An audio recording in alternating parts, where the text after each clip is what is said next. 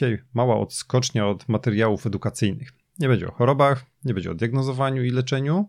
Powiem o tym, jak postrzegam, jak oceniam wykłady i wykładowców. Zaraz po intro.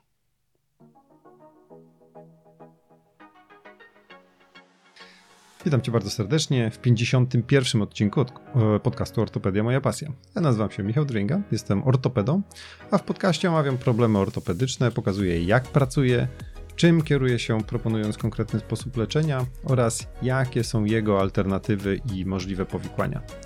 Jeśli interesujesz się ortopedią, szukasz rozwiązania swojego problemu po urazie lub uczysz się ortopedii, koniecznie wysłuchaj tej audycji. Większość z nas w swoim życiu uczestniczyła w takim czy innym wykładzie. A jak nie w wykładzie, to na pewno każdy kiedyś przeczytał mniej lub bardziej naukowy artykuł. Ja obecnie zarówno tworzę wykłady, jak i w wielu uczestniczę jako słuchacz. Początkowo Początkiem maja byłem w Paryżu na konferencji Europejskiego Towarzystwa Traumatologii Sportowej, Chirurgii Kolana i Artroskopii, się nazywa ESKA.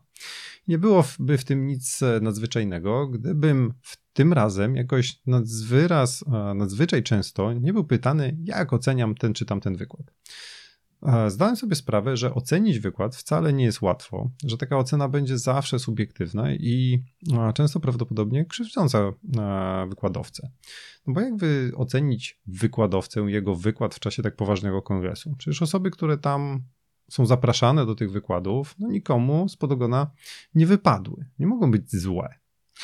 A czy taki uznany specjalista może powiedzieć zły wykład? No może zdarzy się, że ktoś wyjdzie całkowicie nieprzygotowany i generalnie to nic nie powie. Ale w większości przypadków, jeśli zadam, e, zadamy, zapytamy stu słuchaczy, jak oceniają wystąpienia, to opinie będą bardzo zróżnicowane, a często całkowicie skrajne. Więc od czego to w takim razie zależy? Moim zdaniem najważniejszym czynnikiem wpływającym na naszą ocenę jest to, ile sami wiemy na dany temat. Tak, to właśnie stopień naszej eksperckości wpływa na naszą ocenę. Oczywiście mówię o sytuacji, kiedy słucham wykładu z mojej branży. Nie to, że jestem na wykładzie dotyczącym ekonomii krajów e, Ameryki Południowej, e, a zajmuję się ortopedią. Nie, mówię o sytuacji, kiedy będąc ortopedą, jestem na wykładzie dotyczącym ortopedii. Biorąc to pod uwagę, mogę nadać wystąpieniom trzy kategorie. Trzy. Kategoria A, czyli level A. No wspaniały wykład. Jestem pod wrażeniem. Cóż za wiedza. Wykładowca naprawdę mnie zaskoczył. Mówił, omówił wiele aspektów, które są dla mnie nowością. Coś tam wiedziałem na ten temat, ale w zasadzie porównując się z tym wykładowcą, to moja wiedza to w ogóle jest żadna. Taki wykład pokazuje, jak wiele muszę się jeszcze nauczyć jak wiele przeczytać. W zasadzie to sfotografowałem cały, wszystkie slajdy po kolei, a planując, że tylko jak tylko wrócę do domu, zagłębię się w temat i mam nadzieję, że przynajmniej jakiś ułamek procenta uda mi się wykorzystać w mojej praktyce.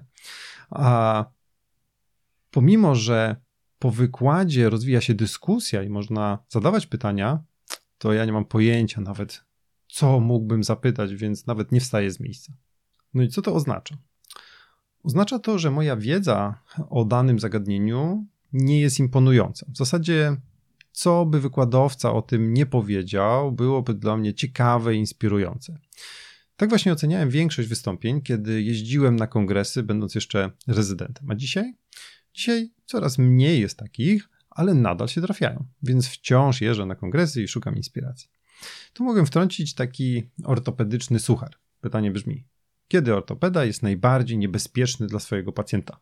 I odpowiedź, kiedy właśnie wróci z kongresu po wysłuchaniu inspirującego wykładu level A. No to przechodzimy do poziomu drugiego, level B. Wykład był zupełnie w porządku. Wykładowca mówił mądrze, w większości aspektów absolutnie się z nim zgadzam i mam podobne przemyślenia. A co prawda niczym e, szczególnym mnie nie zaskoczył, ale widać, że wie co robi, jest przygotowany. Czyli co? Moja wiedza jest na tym samym poziomie co wykładowcy. Czuję się dobrze, bo spokojnie mógłbym powiedzieć podobny wykład, e, tylko trochę powiedzmy zdjęć z zabiegów, które i tak robię i bez najmniejszego problemu mogę taki wykład przygotować. Co prawda wykład nie wniósł wiele do mojej praktyki, ale utwierdza mnie w słuszności postępowania i przedstawione wyniki szybciutko sobie ekstrapoluję na swoją działalność, no bo skoro robią i leczę podobnie, to pewnie wyniki mam podobne. Oczywiście podchodzę do mikrofonu, aby upewnić się w konkretnym aspekcie postępowania i otrzymuję satysfakcjonującą odpowiedź, której się spodziewałem. Dziś słuchając wykładów w dziedzinie kolana czy barku tak właśnie oceniam, czyli można powiedzieć, że mam dowody do zadowolenia. Chociaż po wysłuchaniu danego dnia samych wykładów na poziomie B ma się trochę wrażenie straconego czasu. Na szczęście wtedy nadchodzi wieczór, spotkania, rozmowy i znów wraca przekonanie o słuszności decyzji uczestnictwa w kongresie. No i level C. Dramat. Co ten człowiek w ogóle opowiada? Chyba nie przeczytał żadnego artykułu. No to przynajmniej po książkę by sięgnął, jak się przygotowywał. Kto go w ogóle wpuścił na tę mównicę? Nie zgadzam się z człowiekiem i nie wiem na jakiej podstawie tak twierdzi, ale po mojemu to nie ma racji. Strata czasu. Takimi komentarzami można określić wykład na poziomie C. Czyli kim jestem? Tak, teraz, tym razem to ja tu jestem ekspertem. Jestem przekonanym, że moja wiedza jest e, dużo większa, dużo wyższa niż tego wykładowcy. Wiem, co do mnie mówi, ale już to przerabiałem, sprawdziłem i wiem, że no nie tędy droga. Pacjenci po takim leczeniu nie są zadowoleni i mam na to dowody. Według mnie jest wiele publikacji na ten temat. Podchodzę do mikrofonu i w dyskusji zadaję pytanie, na które wiem, że nie uzyskam poprawnej odpowiedzi.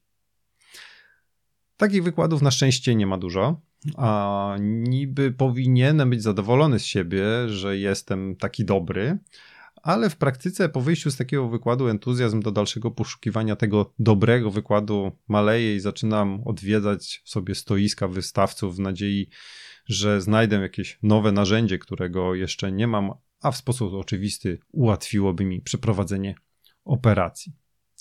No i co wy na to? Jest w tym sens? Każdy z nas ma inne kryteria oceny i dla każdego coś innego jest nowe, ważne, inspirujące, a co innego nudne i oklepane. Ten sam wykład, który oceniam jako level B dla młodego rezydenta lub świeżego specjalista, może być levelem A, a dla starego wyjadacza, profesora z wieloletnim doświadczeniem, wyłącznie levelem C. Teraz mi taka refleksja przyszła do głowy, że nagrywając podcasty dla pacjentów, rezydentów i młodych specjalistów, mogę być często oceniany jako level A. I to jest super. Pewnie czasem moi koledzy coś posłuchają, żeby wiedzieć, co ja tam gadam. No, no i mam wtedy nadzieję dostać przynajmniej mm, level B. No i jestem więcej niż pewny, że nigdy nie dostanę C, bo raczej żaden profesor nie włączy tego nagrania. A skoro jestem przy ocenianiu, to jak ty oceniasz moje podcasty? A, B, C? Napisz proszę w komentarzu lub w aplikacji, w której słuchasz tego nagrania. Jestem bardzo ciekawy, jak, na jakim poziomie jestem odbierany. No bo w końcu to tylko kwestia poziomu przygotowania się i oczytania, by słuchaczy czymś zaskoczyć i wejść na level A. Tylko czy wchodząc na level A, nadal będzie dało się to zrozumieć? Hmm. Z tym zastanowieniem, z tym pytaniem zostawiam Cię do następnego odcinka. Cześć.